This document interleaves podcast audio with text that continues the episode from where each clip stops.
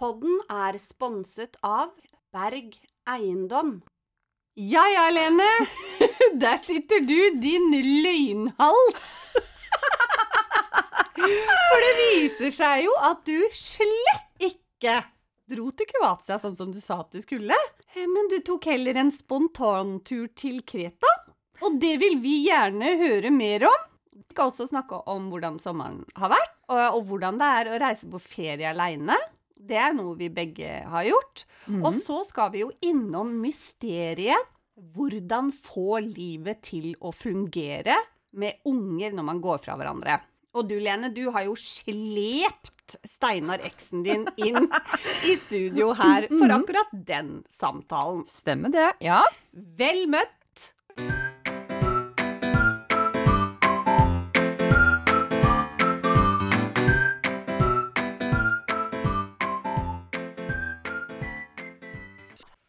Og velkommen. Takk skal du ha. I like måte, Jasmin. Du ser litt sliten ut i dag, Lene. Har du vært på jazzen? Jeg har jazza meg. Jeg er blitt russ, jeg skjønner du, plutselig på munnen. ja. Ja, det føles i hvert fall sånn. Like sliten som jeg når jeg var russ. Yes.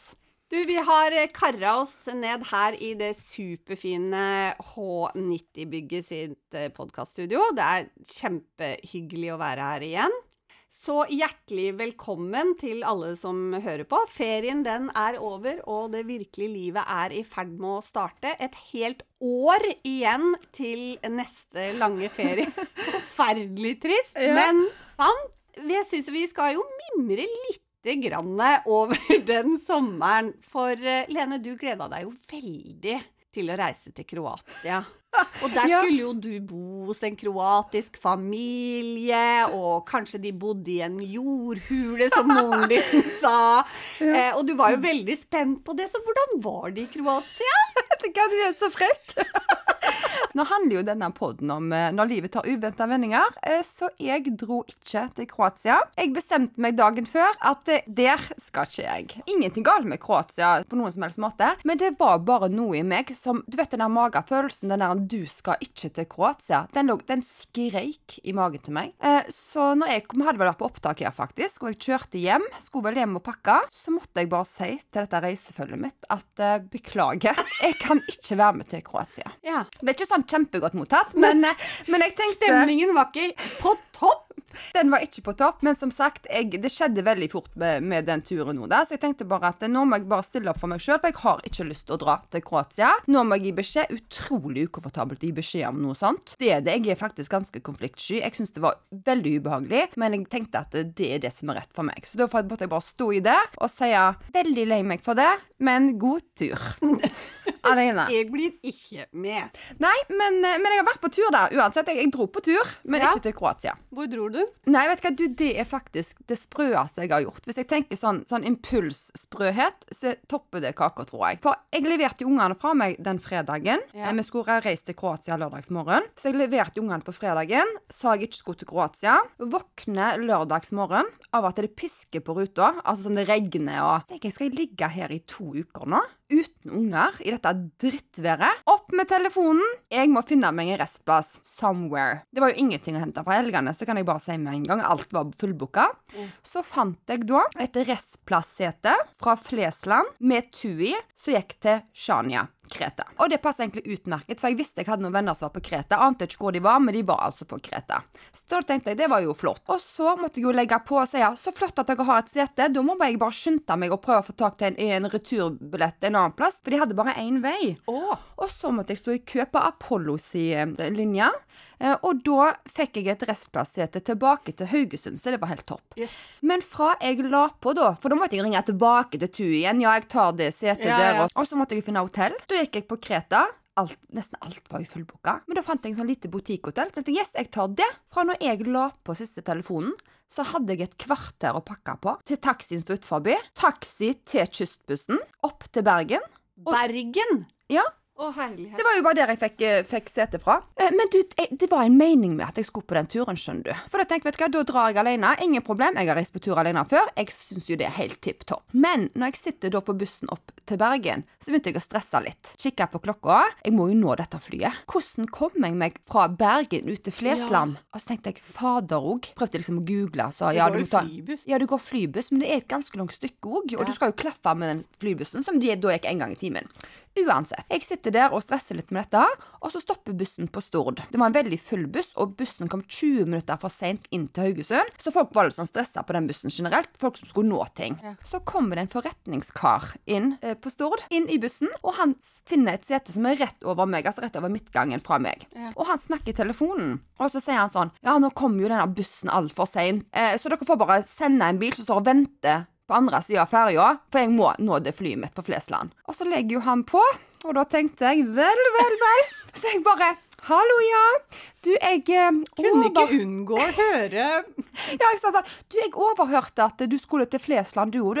Hvordan er det mest eh, beleilige måten å komme seg til Flesland på, egentlig? Han bare eh, Som om du ikke hørte hva jeg eh, hadde Ja. planer om å gjøre. Så han bare Nei, jeg har en bil som venter på meg. Du bare blir med i den taxien, ingen problem. Så I got a free ride eh, til flyplassen fra ferjeleie. Ja, på andre sida av ferja opp mot Bergen. Mhm. Så det var helt topp, det. Jeg nådde flyet, han nådde ikke flyet. Så, Nei. Han, han mista flyet sitt. Men uansett, lander da på Kreta. Det var seint på natta. Eh, men så kom jeg ut der, og det var jo bare masse lykkelige familier og par på, på tur. Og så kom jeg liksom seint ut av flyplassen mot der som taxiene står. Og der sto det noen sånne taximannfolk, og så kikka de sånn på meg når jeg kom. Og så tenkte jeg herregud, altså Og de bare Ja, altså, er du aleine, liksom? Ja da, jeg er aleine. Men så sto de bare der og kikka på meg, og så spurte jeg han som liksom Jeg trodde hørte til den første taxien, da. Så sier jeg da Yes, are, you available? Only if you want me to be. Nei! Han var kjempeskjønn, og han var sikkert sånn 60 år. Jeg bare, ja, ja, kjempetopp det. Han var altså så fantastisk, denne taxisjåføren. Jeg satt meg i den bilen, og så kikker han på meg i speilet, og så sier han sånn Tell me, hva har skjedd med deg? Ja, hva tenker du på? Det er ingen damer som reiser alene på tur, vet du. Det har skjedd noe i livet ditt. Fortell. Oi. Og der fortalte jeg liksom Jeg har nå avslutta så mye i mitt liv. Jeg har slutta i jobben. Jeg har eh, faktisk eh, Jeg mista hjemmet mitt og kom tilbake i det. Jeg har ikke reist til Kroatia, eh, så jeg skulle i går. Og det bare kom ut, og vi hadde den beste taxituren ever. Hørte på Green Day, hadde lufttrommer. Vet du hva, det var helt fantastisk. Så herlig. Ja, storkost meg, så han bærte opp bagasjen min på hotellrommet. og alt. Han, han, var, altså, han var på servicesiden. Det var helt topp. Kom fram til dette nydelige, bitte lille butikkhotellet mitt. Det var åtte rom på det hotellet. Eh, og der starta liksom min alenetur. Men vennene dine, da? Hvor bodde de i forhold til deg? Det visste jeg ikke. Når jeg kom til, nei, for når jeg kom til hotellet, så bare snappa jeg til min venninne Gro. Dette hotellet har jeg havna på. Og så går jeg og legger meg, for jeg jo ikke fram før to på natta. Eh, Og når jeg da våkner til, så har jeg fått snap av Gro. Ja. Så sier hun ja, tro det eller ei, nå står jeg på mitt hotell, og der er ditt hotell. Så hun tok en snap av nabohotellet som ligger liksom bak på andre siden sida av veien. Så jeg kom på det hotellet der. Å, kult. Da fikk ja, så Det var en mening om at jeg skulle der. Eh, så de hang jo jeg med. Gro var på, på tur med, med noen venninner, og de hadde barn og sånt. Mer sånn barnetur. Så jeg hang med dem når jeg ville. Og foruten det så gikk jeg og putla for meg sjøl og spiste frokost og det som jeg liker å gjøre når jeg er på tur alene. For det syns jeg er veldig gøy. Det ser helt nydelig ut. Ja, men det, det er så deilig å reise på tur alene. Og jeg snappa jo litt fra når jeg var på tur alene. Og da får jeg veldig mange spørsmål av sletne småbarnsmødre eller nysingle eh, damer i 40-50-årene. Jeg har så lyst til å dra på tur alene, men jeg tør ikke. Kan du bare booste meg opp til å gjøre dette? Og det som jeg sier hver gang da, er at du må bare gjøre det. Mm. Fordi at det, da lærer du veldig mye av deg sjøl. Det første du lærer, er at du er veldig selvstendig. Du trenger ingen andre for å ha det bra med deg sjøl. Du, du er ikke avhengig av andre for å kose deg. Og du klarer fint å dra på flyplassen og følge skiltene. Altså, det er, det er ikke noe problem å dra på turen alene. Det er jo ikke noe hokus pokus å reise på ferie alene, men det, det sitter jo ganske langt inne å gjøre det. Fordi at man er ikke vant til å reise alene på ferie. Mm. Eh, Jeg har også gjort det. To ganger, faktisk. Ja. Eh, og du, har ikke du gjort det før òg? Jo, jo, jeg gjorde det i fjor òg, jeg. Ei Ja. uke i Spania. Ja, men hva tenkte du Altså, første gang du booka deg en tur alene? Ja, det var i 2015, og da var jeg singel. Da var jeg 14 dager i Tyrkia, faktisk. Eh, helt aleine. Men da booka jeg meg sånn at jeg hadde At jeg aldri trengte å gå ut av hotellet. Men det var eh, helt aldeles fantastisk. Bare lå og hørte på lydbok og musikk og snakka ikke med noen på en hel uke. Og så ble jeg kjent med folk, da. Det var jo samme folka som eh, hadde tur-retur, så vi var mange Var der samtidig, da. Jeg dro faktisk ned dit året etterpå også. Alene? Samme hotell. Eh, da hadde jeg truffet han jeg nå er gift med, Robert. Mhm. Han hadde jeg truffet i mars. Eh, men i juli så skulle jeg reise ned dit, til samme hotell, være der en uke. Og så skulle han komme ned og være der en uke sammen med meg. Og så kom jeg ned dit, eh, like hyggelig som eh, sist gang. Og så, dagen før han skulle komme, så gikk jeg og la meg. Jeg tror jeg la meg klokka ni på kvelden og skrudde telefonen på lydløs. Og våkner da kvart på seks om morgenen og ville jo være uthvilt og fint da han skulle komme. Og jeg gleda meg og hadde planlagt hva vi skulle gjøre og alt. Og så tar jeg opp mobilen min, for jeg er jo helt sånn i halvsvime og ligger der og Å, så deilig, og lurer på om det er fint vær ute, liksom. Det var jo Yeah, right. helt nydelig. Og så tar jeg opp telefonen, og så ser jeg at jeg har åtte ubesvarte anrop fra mamma og pappa. Oi, den er litt vond. Ja. Og så hadde jeg sikkert fått en 12-15 tekstmeldinger. Og så bare tenkte jeg, hva er det som har skjedd? Det, nå har det skjedd et eller annet med noen hjemme, tenker jeg. Og så tar jeg opp eh, en av eh, meldingene, og så er det fra en veldig god venn av meg, Roy. Og så ser jeg at Roy skriver Jasmin, ta det med ro, eh, ikke få panikk, men det har Du vet kanskje ikke dette, siden du eh, kanskje sover, Ja. men det har vært et statskupp i Eller har ikke vært, det er et statskupp i Tyrkia, der du er. Nei, nå må du gi deg. Og jeg bare kjente panikk. Jeg reiste meg opp, og så gikk jeg bort til, til gardinene. Og da så jeg rett ut på bassengområdet, og der Ja. alle er, liksom. Drar for gardinene. Ja. Der er det ikke én sjel. Og det første tanken som går inn i hodet på meg, er bare Alle er døde. Jeg er den eneste som lever! Jo! Stakkars Og deg, så vennen min. bodde jeg i annen etasje, for det, det var bare to etasjer på dette hotellet. Ja. I sånn atrium. Og så tenkte jeg må komme meg ned til resepsjonen. Ja. Og, så, eh, og da måtte jeg liksom gå, eh, gå ned noen trapper, og det var liksom opp og rundt og sånn. Og så når jeg gikk ut av det rommet, så var jeg jo livredd, for jeg tenkte nå er det sikkert folk med maskingevær overalt over alt her. Og vet du hva, jeg sneik meg rundt hjørnene, akkurat sånn som du ser på med film, sånn James Bond, liksom, fra, med ryggen mot. Med ryggen solkremtuber, eller hva holdt og der? Ja. jeg var så redd. Og når jeg kom ned på, når jeg kom ned på bakkeplan, så bare kikka jeg rundt meg og bare beina over til resepsjonen. Der inne står det en dame med tre barn, en norsk dame. Og hun hadde vært på flyplassen, for hun hadde fått med seg dette her på natta når det hadde skjedd. Så hun hadde vært på flyplassen, men nå kommet tilbake. Eh, For gikk det ingen fly? det gikk ikke fly, altså. Det var skikkelig ekkelt, altså. Og han resepsjonisten, han satt jo og så på dette her på nettet. Og det så jo helt crazy ut. Det er sånn du ser i Paris, liksom, når det, Ja, ja, ja. de fyker rundt i gatene der. Eh, så jeg bare tenkte jeg må hjem! Jeg må hjem nå! Men herregud, Robert, eh, kjæresten min, han er jo på vei ned hit nå med, med flyet. Så jeg heiv meg på telefonen til han, og klokka var jo bare seks om morgenen da. Men alle flyene var stoppa fra Norge. Ingen fikk lov å reise ned. Så han var igjen på flyplassen? Han var igjen Ja. på flyplassen. Han fikk ikke lov å reise. Og da var det bare sånn Men hvis ikke du kommer ned hit Altså, det er jo ingen som vil være her nå. Jeg må jo komme meg hjem. Og han bare Ja, det må du.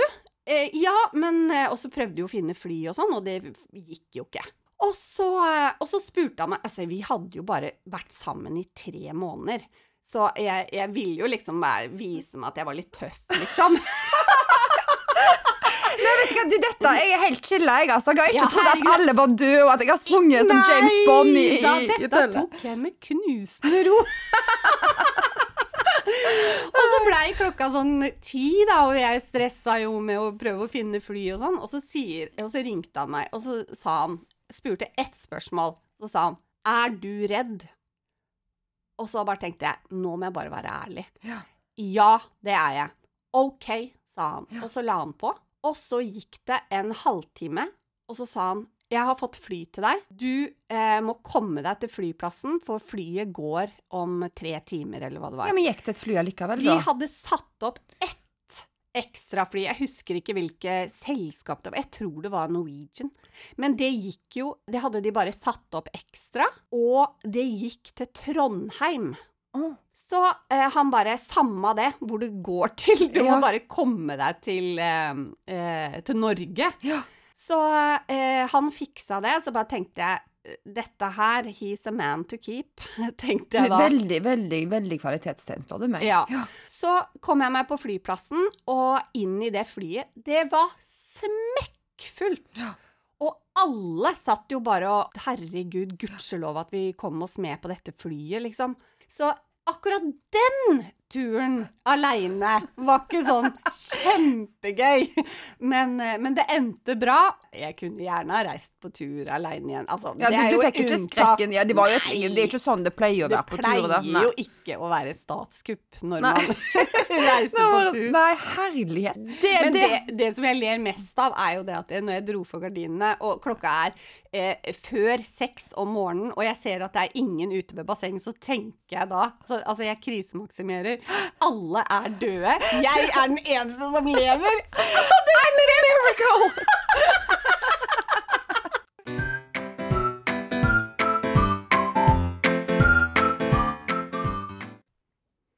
Ja, så jeg eh, enda jo da opp på Kreta istedenfor Kroatia. Eh, men du skulle jo til både Grenka og til Kreta sjøl. Ble det noe bumps in the road, eller dro du på en lykkelig kjærlighetsferie? Ingen um, humper i veien. Jeg eh, dro med familien til eh, Gran Canaria. Nydelig tur. En haug med unger og tre voksne. Kjempekoselig. Vet du hva? Vi var i Amadores. Den fineste stranda jeg noensinne har sett.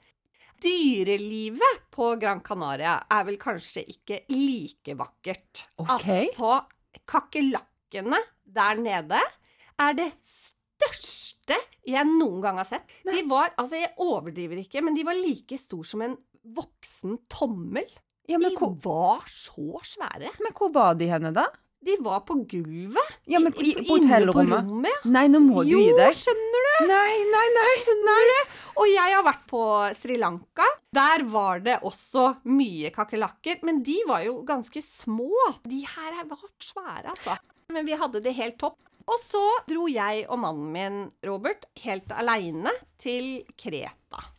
Og hvordan var det på denne kjærlighetsturen? Du, det var aldeles nydelig, altså. Mm. Vi bodde på et uh, kjempekoselig hotell i en by som heter Retymnon. Så vi hadde late dager uh, ved bassenget. Jeg freste gjennom uh, en haug med bøker og hadde det helt nydelig. Vi leide bil i to dager, og så reiste rundt da. Og da dro vi til et sted som jeg har ønsket meg å dra til. Spinalonga, som er de spedalskes øy. Ja. Eller var. ja, det er ikke nå, da. Ikke nå. Spinalonga var jo en eh, koloni for spedalske i over 50 år. Og i dag så er jo det en kjempestor eh, turistattraksjon. Det er enormt mange som er der ute hvert år for å se. Det er eh, veldig spesielt. Så det var veldig fint å være der. Nei, det var, det var spennende. Det er, eh, det er interessant å få med seg eh, andre ting enn bare god mat, vin og sol og bad. Jeg er så enig. Mm. Finne ut altså, hva er verdt å se. For det er de tingene du husker. vet Du Du husker ikke alle de dagene du lå på stranden, men du husker de spesielle tingene du så som ga inntrykk på deg. Det Ja, det vi absolutt. husker.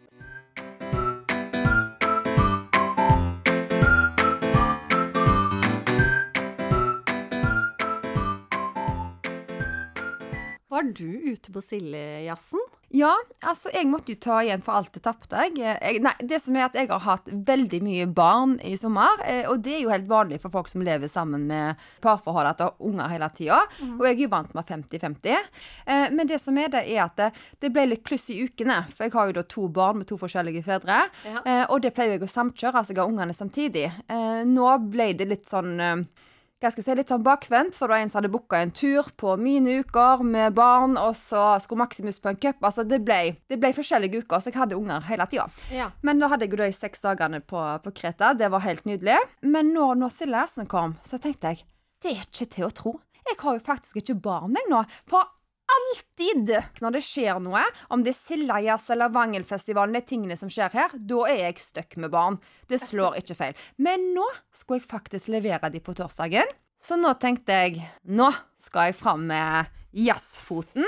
Så jeg var altså ute torsdag, fredag og lørdag. Så det var Men vet du hva, det var altså så gøy. For det som er Altså, når jeg vokste opp, kan jeg vel si, eller når vi var ungdommer eller i 20-årene og sånt, sikkert lenger òg, så var Sildajazzen sånn bare en masse gamle folk eh, som var ute på noe. Jeg husker at det var dyrt. Du måtte jo ha pass for å komme på kaien og sånn. Ja. Men nå er jo jeg blitt en av de gamlingene, så da er det jo bare folk jeg kjenner. Det er jo helt topp.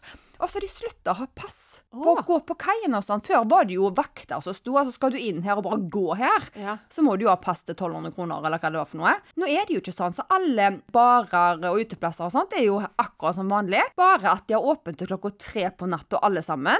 Og de har høyna musikken. Jeg reagerte i hvert fall på det. at Herlighet så høyt de spiller. Så de får nok litt friere tøyler, Dette er utelivsbransjen, i de dagene Sildajazzen er, da. Men eh, på torsdagen, eh, da var jeg ute med, eh, med venner. Og det syns jeg er litt gøy, for jeg har så mange forskjellige typer venner. Jeg har liksom fra de mest sofistikerte, som sitter og nipper på noen bobleglass, eh, til å ha venner med hanakammer og tatoveringer i fjeset. Og det syns jeg er så gull, fordi at da kan jeg være litt med forskjellige folk, og så har jeg bare avtaler at da møter jeg deg der, og så kan vi ta seg øl der, og så kan jeg gå på konsert med de andre der. Og jeg har egentlig sprunget rundt og vært overalt jeg, de dagene. Så deilig, da. Men på lørdagen da, Jeg merker jo at jeg er ikke 20 lenger, vet du. Ja. Så jeg bare tenkte, når jeg eh, da våkna på lørdagsmorgen etter hvert to dager på jazz, oh, så skulle jeg på en sånn terrassefest til noen gode venner av meg. Jeg kom opp der. Altså, jeg, jeg klarte ikke å få ned en dråpe av verken vin eller noe som helst. Jeg bare klarte ikke. Kroppen sa, vet du hva, Lene, Nå er det nok. nå er det nok. Eh, men så, så var det litt så rolig oppe på den terrassefesten. Og så hadde jeg noen andre venner som sto og maste litt. Nå må du komme ned på byen. Altså, byen koker. Du kan ikke gå glipp av dette. Eh, og tenker jeg, ok, greit. Så jeg gikk fra dette terrassepartiet og ned til byen og håpte at det kanskje kom litt i stemningen. Altså siste dagen i jazzen. Og når jeg kom ned på kaien, altså, det var jo så mye folk. Og det var jo veldig fint vær. Selv om det nå var sikkert 11 på kvelden, så var det, det var helt vindstille. Sikkert 20 grader. Det var så fint. Og det var så mye folk! Det var jo som å gå et 17. mai-tog, bare komme bort til en bar. Så da tenkte jeg vet du, dette, dette, dette, klarer jeg. Nå jeg merker jeg at det nå, dette, nå kommer stemningen. Jeg har ikke før trødd inn på Brakstad, som vi da var, og som de andre vennene mine venta på meg. Kom inn der. Jeg er jo veldig svart. Altså, Jeg går alltid i svarte klær. Veldig sjelden du ser meg i noe fargerikt, for å si det sånn. Den dagen eh, så hadde jeg på meg en helt hvit kjole. En kort, hvit kjole. Kritthvit kjole. Kom inn der, og der er det noen som skal hilse på. Og hallo! Snofle. Helle. Altså en full eh, sånn espresso martini. Og Nei. hvis du ser for deg nesen sånn at jeg ikke får puste Nesen ned, renner nedover halsen, over hele kjolen, ned under med BH-en, ned i, på innsiden av låren, holdt jeg på å si, ned i de finskoene mine. Jeg var dusja og så ut som jeg hadde blitt spydd på, for den er jo sånn eh, Hva farge skal jeg kalle den, da? Og da tenkte jeg bare eh, dette kommer ikke til å skje at jeg kommer meg i stemning nå, for å si det sånn. Jeg sto der som jeg drukna katt. Jo, jo, jo. Og han liksom bare Hæ? Jeg, tro, jeg tror ikke det var jeg som gjorde det. Og hovedvenninna venninna mi bare Det var du. Så Dro du hjem, da, eller? da dro jeg hjem. Ja. Var innom en sånn pizzabud og fikk meg fire pizzastykker under armen. Og dro opp og sto i taxikø. Og jeg må si det er lenge siden jeg har stått i taxikø i den byen her. Det er jo ikke et kø. Espresso martini. Ja, ja, jeg så ikke ut hjem, eh, og jeg har sovet siden jeg, tror jeg. Ja, eller ja, jeg våkna litt i går, og det, dette syns jeg er litt løy, folkens. Altså, jeg vet altså, når jeg har vært ute i jazz nå, så får jeg meldinger av folk som ikke jeg kjenner. Jeg så du snakket med noen sånn og sånn, er det noe på gang der? Altså, folk er veldig nysgjerrige på ting, og da kan jeg bare avkrefte med en gang. Jeg har mange forskjellige typer venner, og jeg har veldig mange guttevenner. Og hvis det er sånn at jeg er så heldig å få meg en kjæreste en gang, så skal jeg heller dele det her på podden. Eh, for det, det er Jeg la ut i går kveld at jeg lå og så på Bridget Jones. For det har jo jeg da gjort de siste 30 årene. holdt jeg på. Iallfall når jeg er singel, så elsker jeg å se på Bridget Jones, for jeg kjenner meg så godt igjen i det.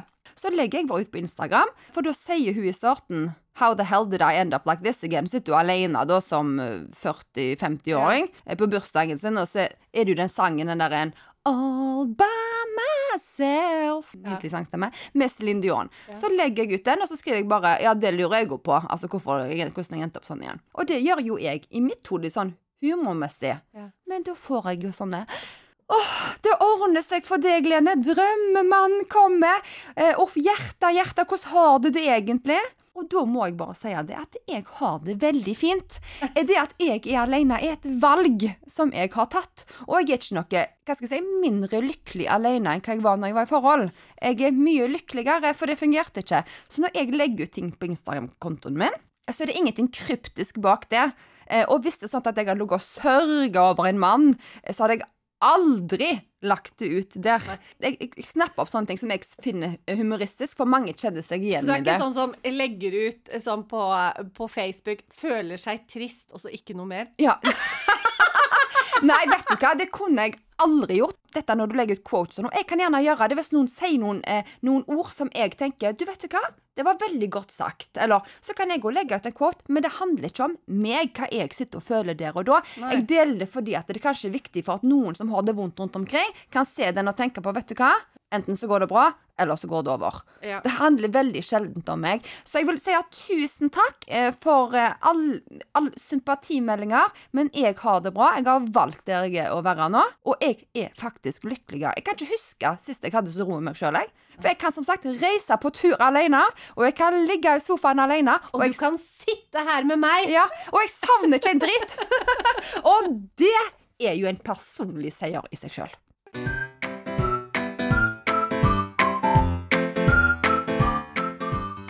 Ingen av oss to, Lene, har jo hatt eh, eller har en typisk eh, A4-familie hvor mor og far bor under samme tak, men det er jo egentlig ganske vanlig sånn som vi har det. Ja, det er jo det. Ifølge Statistisk sentralbyrå eh, så opplever jo 30% av alle unger samlivsbrudd i dag. Eh, og før var det jo hovedsakelig mor som automatisk nesten fikk da samhold med barna. Eh, og fedrene var mer sånn helgepappaer eller ja, litt sånt. Men nå er det jo mer og mer vanlig at de ungene blir 50-50. Eh, men det er jo ikke én løsning som passer for alle. Det er veldig individuelt. Så det viktigste er jo at ungene har det bra, at foreldrene samarbeider på best mulig måte, da. Vi hadde det sånn, eh, jeg og pappaen til min datter Oda, at han hadde henne annenhver helg, tror jeg, og én dag i uken. Eh, men hun er jo voksen nå, 24 år gammel, så hun var jo mest hos meg. Og vi var jo bare sammen til hun var eh, nesten eh, to år gammel, tror jeg, og så mista vi han når hun var tolv år. Og etter det så var det jo bare meg hele tiden. Selv om det ikke er helt sant, da, for jeg har to fantastiske foreldre som har stilt opp hele oppveksten hennes. Du, det har du. Vet du hva, den jeg Er det, det er lov til å si litt sjalu, slash misunnelig, på tante Tove og onkel Kalle. Eh, for eh, herlighet, de er til stede. Ja, de er det, altså. Ja, jeg husker faktisk veldig godt en gang vi var i, i Skånevik på hytta, og da var Oda med. Ingen av dere var der. Eh, men så var vi nede på brygga og fiska, og da trør altså Oda på en fiskekrok. Altså, da snakker vi inn i tårna. Og det første hun sa vi må ringe til morfar! Altså, Det var det første som slo hun, så da var ingenting som hjalp. Vi måtte ringe til morfar. Ikke til mamma! Nei, til Nei, morfar. til Vi må ringe til morfar. Det er han som er såreksperten. Ja. Eh, Nei, men det er jo helt fantastisk, for du har jo vært alene, eh, og hun mista pappaen sin tidlig. Eh, Men det jeg lurer på, da, hvordan i all verden gir man en så brutal beskjed til et barn at pappaen har gått bort? Ja, uffa meg, hvordan gjør man det? det? Det finnes jo ikke noe mal på hvordan man gjør det. Det unner jeg virkelig ingen. Det er det verste jeg noen gang har måttet til et annet menneske. Og det aller siste man ønsker å si til barnet sitt. eh, Men, men hvor gammel var Oda når dette skjedde? Hun var tolv år. Ja. Og da fikk jeg vite det ø, om morgenen, og så ventet vi da med å Da var jeg heldigvis så var jeg sammen med Så var mamma der òg. Da ventet vi med å si det til hun kom hjem fra skolen. Men eh, vi kom oss igjennom det, og det har gått fint. Mm. Vi er, jo, vi er jo mye sterkere enn vi tror. Grunnen til folk bekymrer seg, er jo fordi at vi ønsker å være forberedt på hvis det kommer en skandale. Det skjønner du? Men vi kan ikke forberede oss på hva som kommer uansett. Og når det kommer, når det treffer, så er det kanskje en klisjé når vi sier det, men det stemmer jo at vi er jo mye sterkere enn hva vi tror, da. Ja, ja, og fordi man må. Mm. Har jo, du har ikke noe valg. Du må jo bare gjøre det. Og jeg husker den følelsen veldig godt, for det var altså Jeg hadde så lite lyst til å si det. Mm. det, var, det var, alt inni meg bare skreik at jeg ville unna den situasjonen, men så må det bare gjøres. Mm. Og det Å, det er forferdelig å tvinge seg sjøl til ting som man virkelig ikke vil, men, men det har gått fint. Mm. Og det gjør det, som regel. Mm. Men du, Lene, du ble jo også eh, alenemor ganske tidlig. Ja, det gjorde jeg. Maximus, altså, Maximus, altså sønnen øh, vår Jeg har jo Maximus sammen med Steinar, min eks. Eh, Maximus var Det var rett før Maximus ble to år. Da gikk vi fra hverandre. Eller det vil si at vi har jo egentlig aldri gått fra hverandre. Fordi at vi er så sinnssykt gode venner, og vi er så close. Men det var da vi gikk fra hverandre som kjærester, da. Så gikk det noen år, og så traff jeg en ny mann, og han fikk jeg et nytt barn med. eh, Så jeg har Lana med en annen eh, pappa. Eh, Så det skjedde ti år etterpå Maximus ble født. Så jeg òg hadde liksom de ganske tøffe de to første åra med, med barn. Det er jo en kabal, da, å skulle legge når man har to barn med to forskjellige, vil jeg tro. Dette sier jeg brutalt, men det er sant. Det er et helvete. Det syns jeg faktisk. Fordi at det, Hvis at du da tenker ja, men jeg har jo barn med to stykk, ja, men du lever kanskje med den du har barn nummer to med. Hvis du ikke lever med noen av de, så er det en kjempeutfordring. For du har en kabal i eget liv. Eh, og så har du et kabal på den ene ungen og på den andre. Jeg har to fedre jeg må forholde meg til. Eh, og så plutselig blir den ene syk, eh, og så skal den andre på en cup. Og så, altså, jeg, hodet mitt holder på å eksplodere til tida. Begge fedrene har bare ett barn, så de klarer ikke helt å sette seg inn i mitt liv der jeg har de to kabalene. sant? Nei. Så det syns jeg er så vanskelig. Og hvis noen sitter der nå og bare våger seg og sier ja, men herregud, du har jo bare ungene 50% av tida. Vet du hva? Sip it! For det er ikke sånn at hvis du har barna dine 50% at du er helt av da den uka der du ikke har de. Og spesielt som kvinne.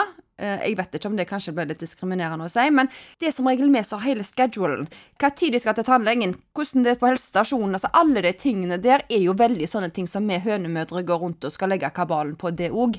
Eh, og sønnen min bor som nærmeste nabo den uka han ikke er hos meg òg, så det er ikke sånn at jeg sier ha det bra, Maximus. Ser deg om ei uke. Og så bare vinker jeg til de i vinduet når jeg går inn og spiser middag neste dag. For jeg har jo tross alt ikke den uka der. Det fungerer ikke sånn. Sånn som når jeg kom fra Kreta, så hadde jo jeg egentlig ei uke til der jeg liksom skulle være eh, meg på tur i Kroatia, så det ikke ble noe av. Men da sto han og skrapte på døra når jeg kom hjem. Og det syns jeg er helt nydelig. Jeg vil være mest mulig med ungene mine, og det tror jeg de aller fleste har lyst til. Men da er da er situasjonen sånn at det kan du ikke. Så det gjelder å gjøre det beste ut av det. Men ja, det å ha barn med to forskjellige fedre, og du ikke bor med noen av dem, det er en kjempeutfordring. Eh, heldigvis eh, så er jo da Steinar eh, faren til et av barna mine, og han er så rund i kantene at eh, hvis, jeg, hvis det er et eller annet, så er jo han sånn ja, ja, ja, ingen problem. Altså, det, han er jo en sånn en, Det er ingen som er noe problem i Steinar sitt liv og i hodet. Han er jo et magisk menneske, og han er, meg og han er nok veldig like der at vi er sånn ja, ja, ja, ingen problem. Vi følger ikke en fast schedule på ting, for livet skjer på veien. Og så har jeg barn med en annen, og han, bare om natur, er mye mer praktiske. Han skal ha ting dang, dang, dang, dang, dang. Det skal særdeles lite til å vike det, og hvis det skal vikes fra, så må du nesten sende en søknad, hvis jeg setter det på spissen. Men det er bare sånn han er. Han er eh, veldig sånn, og meg og Steinar er litt mer sånn bajaser rundt eh. Så det er veldig vanskelig å forholde seg til for meg, fordi at det, det er to forskjellige verdener. Men du og Steinar, pappaen til Maximus, dere har jo et sjelden forhold. Og det har du jo snakket mye om i media også, har du ikke det? Eh, jo, det har jeg, og jeg, jeg eh, snakket mye om det på bloggen, vet jeg, fordi at eh, jeg eh, ville vise folk som kanskje var i en situasjon at de, at de, de skulle gå fra hverandre, og faktisk være et bevis på at det kan gå veldig bra òg, selv om at man ikke passer sammen som kjærester mer. Men jeg priser meg jo lykkelig hver dag for at jeg har det forholdet som jeg har til Steinar. Ja, vi gikk fra hverandre som kjærester for tolv år siden, men han er fremdeles den største klippa i livet mitt. Eh, og vi tar vare på gode personer. Vi trenger gode personer i livet vårt. Eh, omgi deg med gode folk, og livet blir lettere. Det sa alltid min far. Eh, jeg har ikke vært alltid like flink til å velge rett partner i etterkant, men, men, Steinar er det største skupet i mitt liv, og jeg ser på han som en nærmeste familie fremdeles. Og jeg vet at det er veldig mange som lurer på hvordan i helsike dere får det forholdet til. Og da tenker jeg at pappaen til Maximus skal få uttale seg om dette for første gang. Velkommen i studio, Steinar! Tusen takk for det. Det er veldig hyggelig at du ville komme. Og da lurer jo jeg på hvordan er det egentlig å ha barn med Lene? Nei, det er jo helt forferdelig, det. Ja, det er det. Nei, nei, nei det, helt, det, har vært helt strålende. Ja, for meg, ja, ja, ja. Og det skal jo sies at meg og Steinar er jo veldig forskjellige. Jeg er jo den der en ut, hva skal jeg si, utadvendte i ekstroverten, mens du er litt mer du er ikke innadvendt i den forstand, men litt Nei, mer introvert, kanskje? Men det er jo sånn som for meg også være her, blant annet. Det er jo sånn at jeg må det, det, det, Da er jeg utenfor komfortsonen. Det tar litt energi, kan ja, du si. Ja, ja, ja. Men det er bare gøy. Det ja, bare da. Gøy. Men Steinar, hvorfor tror du at det fungerer så bra mellom dere to som det det gjør? Og bloggen, f.eks. La oss ta det først. Hvordan reagerte du da? Hva tenkte du? Jeg ble, ble fort vant med det òg. Jeg er ikke jeg den som figurerte mest på, på, bloggen der. Men du er jo ganske rund i kantene. ja, det er jeg. Det er jeg. Det er jeg. Si. Nei, det hadde vært verre hvis jeg bare sa at her er den forferdelige mannen min hjemme. Han er så lat. Gidder ja. ingenting. Men det har du jo ikke gjort. Det har jo, det, det er vel sikkert den, mest, den personen du har skrutt mest opp i skyene. Og det hjelper jo litt. ja. ja. Og Steinar er jo faktisk, må jeg bare si, han er veldig sånn hvis jeg treffer en ny type. For jeg har hatt noen typer til Steinar. det, har du det? Ja, du, det, det har jeg. Ja. Uh, og da sier jo du, Steinar, alltid sånn nå, nå, sitter ikke du og skryter av meg, altså. Fordi at, fordi at de blir jo rasende, de mannfolka. ja, men du gjør det jo hele tida. Ja. Det gjør jeg. Eh, fordi at de, og det kommer jeg til å fortsette med. Ja. Så det må du ja, bare og, og, og, det er det svaret de får henne. Ja, det, får... Liksom, det må du bare leve med. Ja, men det er sant. Eh, Steinar i mitt liv han er det mest fantastiske mennesket i to sko. Jeg kommer alltid eh, til å ha det som et mal på hvordan en mann skal være, så det får du bare innfinne deg i. Jeg er litt sånn. Men da tenker jeg at uh, det spørsmålet uh, som jeg stilte, hvorfor tror du det går så bra mellom dere to, det er vel kanskje derfor? Fordi du skryter han opp i skyene? Ja, men vi må alltid være ærlige og hverandre opp. Har aldri, hatt noe sånne, aldri gjort noe vondt mot hverandre. Og Det tror jeg har vært en sånn bra ting, da. Forholdet vi har. Hverandre har alltid opp. Mm. Aldri snakket hverandre ned. og vi har aldri vært noe, snakket noe vi har jo barn sammen. Sant? Vi har jo aldri sagt et skjevt ord om, eh, til han. Når eh, Lene fikk et barn til med en annen mann, så ble du faktisk spurt om å være gudfar. Hvordan skjedde det? Hva tenkte du da? Nei, Jeg syns jo det er en fantastisk fin gest. Og jeg ble jo uh, rørt. Syns jo det er veldig kjekt å bli spurt. Jeg tenkte vel gjerne ikke på at jeg skulle bli spurt. For jeg tenkte, Så ringte Lene liksom bare sånn Jo, du må. Mm, men det var jo noe jeg veldig gjerne ønska. Jeg ser på han som en absolutt nærmeste familie fremdeles, og jeg vet at han kommer til å være der 100% for begge ungene mine. Hvis det skal skje noe med meg, og eventuelt og pappaen til, til, Lana, så vet jeg det. Så jeg er veldig glad for at pappaen til Lana var så raus og faktisk sa at du, det syns jeg er en veldig fin ting, det syns jeg vi skal gjøre. Så uh, han var, var, enig i det. Mm. Ja, jeg syns det er fantastisk. Og jeg har jo et passes godt forhold til hun minste. Så jeg har jo liksom fått med litt sånn bonusdatter, jeg òg. Så jeg syns det er fantastisk kjekt. Det er så rørende, vet du. Altså, det første han sa, når han skulle lage rom til henne oppe i leiligheten, liksom, og hun I barnehagen så tror jeg ikke de helt skjønner altså, hvem det er. Hun kaller han jo for Okke, onkel Steinar.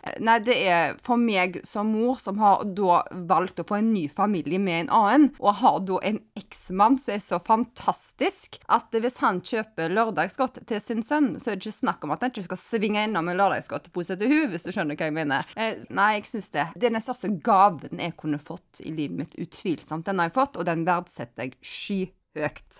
Men det, men det er jo en gave det- til meg òg. Å få lov til å ha henne på besøk. Komme jo opp, og hun ble så glad for å se meg òg. Og jeg er så glad for å se henne. Kjekt å ha begge to. Ikke, ikke bare med meg, men eh, nei, det er helt Men å ha henne opp. Ja. ja. Men er du singel? Ja. Og har du flere barn? Nei. Nei. Så det å få en liten eh, Lana, det er jo Som du sier, da har du jo liksom en Ja. bonus. Ja, det har vært helt fantastisk. Det er jo Ja, det, midt i blinken. ja, det er det. Ja, så, så det er jo faktisk sånn at eh, Steinar ringte til meg i går at eh, de skulle kjøre bort til Vistnes og besøke farmora til Maximus. Eh, og da er det bare sånn Ja, så da henter jeg ungene om et kvarter. så Lana tar på seg finstasen og skal bort til denne hva skal jeg si, bonus eks-svigers bonus eh, moderne familien sin borte på Vistnes. Det er ikke alltid helt lett å forklare det. Sånn som vi var inne i dette barnehagen, og jeg har vært og henta Lana i barnehagen. Det er jo det sånn der rart når folk sier at vi liksom er sånn Ja, Hvem er du, da? hvem er du der, ja? Ja, så det blir sånn Jeg er da Ah, Hei, Lana. Ja. Men, men det som jeg lurer på da, Steinar, vi snakker jo mye, men jeg vet ikke om jeg har spurt deg noen gang hvorfor i all verden har du liksom vært så overraus med meg, og da mener jeg at jeg, jeg har jo trødd mye feil i løpet av de årene, ikke at jeg har gjort noe krisegreier, men jeg har jo tatt rare valg, kanskje i velg av partnere, altså, jeg har gjort mye så du kunne liksom bare, herregud, styr på whatever, snakkes eh, praktisk liksom. Ja, men vi har jo alle tatt feil. Og du er jo den som har sittet med meg i timevis og snakka meg opp når jeg banker meg sjøl ned. Aner ikke hvordan det er mulig, jeg. Du kan være så snill med meg, holdt jeg på å si. Jo, det er ganske, ganske lett, det, egentlig. Eh, For det første så har vi jo eh, barn sammen, og da skal du i hvert fall vise at du til, til, til guttungen her at du må ta vare på mor. Og så er det jo sånn at du Jeg hadde jo en svigerfar òg. Ja, min pappa. Din pappa. Det husker jeg veldig godt når han var sjuk. Eh, Og da var han vel i Spania. Da husker jeg jeg tok Max inn. Vel Ja, inn på inn sykehuset. på sykehuset. Og skjønte vi vel at det gikk feil vei. Og da husker jeg han liksom ga meg sånn Nå må du ta, ta vare på det. Og da Nå bryter jeg sammen, vet du. Ja, det er veldig rørende å høre på. Det at onkel Arvid ga deg, eh, ga deg det blikket, at nå var det du som eh, måtte styre skuta, det er tøft å tenke tilbake på. Og så har du virkelig levd opp til det, Steinar. Du, den har du så levd opp til. Den har du aldri vika fra. faktisk det ble litt sånn rart å snakke om det sjøl. Eh, All ære til deg, og jeg er svintakknemlig. Jeg håper jeg er flink med å si at til deg da, at jeg er veldig takknemlig. for Er det, det har vi jo snakket om. og Er det noen som, eh, som virkelig setter pris på For det er faktisk noe der òg. Det, det er jo kjekt å gjøre noe andre som setter så stor pris på det. Og der er jo du i en egen verdensklasse, da. Det har, det har du alltid vært. Å, herlighet, så fint sagt. Da er det egentlig ganske enkelt òg. Bare kjekke når du får så mye god feedback. Men nå er det jo sikkert mange som sitter og lurer på hvorfor er dere ikke bare kjærester eller gift når dere syns så godt om hverandre? Jeg syns jo det er livets ironi sjøl, egentlig, for å være helt ærlig. Eh, men, nei, men er, hvis vi går litt tilbake til det som jeg sa der, for eh, pappaen min døde jo da jeg var 27. Um, og meg og Steinar, det var jo den lykkeligste perioden i mitt liv når jeg var sammen med Steinar. Altså før vi fikk Maximus. Og jeg, jeg husker jeg sa herlig, jeg er så lykkelig, jeg er så lykkelig, jeg er så lykkelig. Dessverre, da, så tror jeg når du opplever noe veldig, veldig vondt det har jeg faktisk nevnt i tidligere episoder. Når jeg har det vondt, så trekker jeg meg veldig tilbake. Og da må jeg bearbeide sorg sjøl. Så når du går gjennom noe uh, veldig tøft, så tror jeg du som, som i et parforhold Enten så blir dere sterkere sammen av det, eller så blir det mer avstand. Så for min del så var det det at jeg trakk meg mer og mer og mer vekk. Jeg ville bare være alene, egentlig, i den sorgen. For sånn som pappa, for meg, jeg var jo ei veldig pappajente. Jeg var så pappajente, jeg, at uh, Så det, det var så tøft når han ble sjuk. Han var sjuk i seks uker før han døde nede i Spania. Så det var jo for meg, og jeg var jo nybakt mor, altså det var så traumatisk for meg å, å miste han. Så jeg trakk meg vekk, og da ble vi vel mer og mer Altså det gikk over til et slags et, slags, et, et solid vennskap. Tror ikke jeg helt klarte å være der for deg på den måten. Jeg var vel 25, jeg, da. Du var vel i sorg sjøl? Ja, og så klarte du ikke så, Jeg, klar, jeg klarte iallfall ikke å gi det du trengte da. Jeg, men jeg tror ingen hadde klart Nei. det, Steinar. Eh, Så det har ingenting med deg å gjøre, en var en veldig vanskelig periode. og det jo blitt veldig bra. Meget, meget gode venner. Eh, Og jeg tenker at eh, jeg vet jo at det er mange som sånn som du spurte, Jasmin, hvorfor er dere ikke sammen ennå? og sånt, Men vet du hva, jeg, jeg syns dette er så bra, det forholdet, at jeg vil ikke risikere det på noen som helst måte. Det skjønner jeg egentlig. Jeg vil ikke at vi skal gå opp i hverandre hver dag og irritere oss over at du snorker, eller at jeg Ja, jeg med alle mine skavanker, altså, skjønner du? Så jeg, det er så sinnssykt bra, det forholdet vårt. Og jeg jeg vet jeg, eh, og Steinar er den eneste personen jeg har i livet der jeg vet at hvis jeg ringer til Steinar 'Hallo, ja, det har seg sånn at jeg har en pakke jeg skulle hente på månen. Eh, kunne du gjort det?' Eh, fordi at jeg har faktisk ikke tid. Ja, da hadde jeg sikkert prøvd å booke den der raketten, skjønner du. Altså, det er sånn, men han er der alltid, uansett. Så er han der for meg. Eh, og jeg prøver å være det samme til han. Er du andre veien nå? Jeg, jeg er ikke like flink til å så, uh, hive det opp, eh, men du er alltid der. Ja, for det går jo ikke bare én vei, Nei, dette her. absolutt Det er jo ikke bare det at eh, du hadde reist til månen for, eh, for Lene. Hun Jeg skal hadde love deg hun hadde sittet på sida og reist i en annen annen Ja, rakett det stemmer. det for å hente en pakke for deg.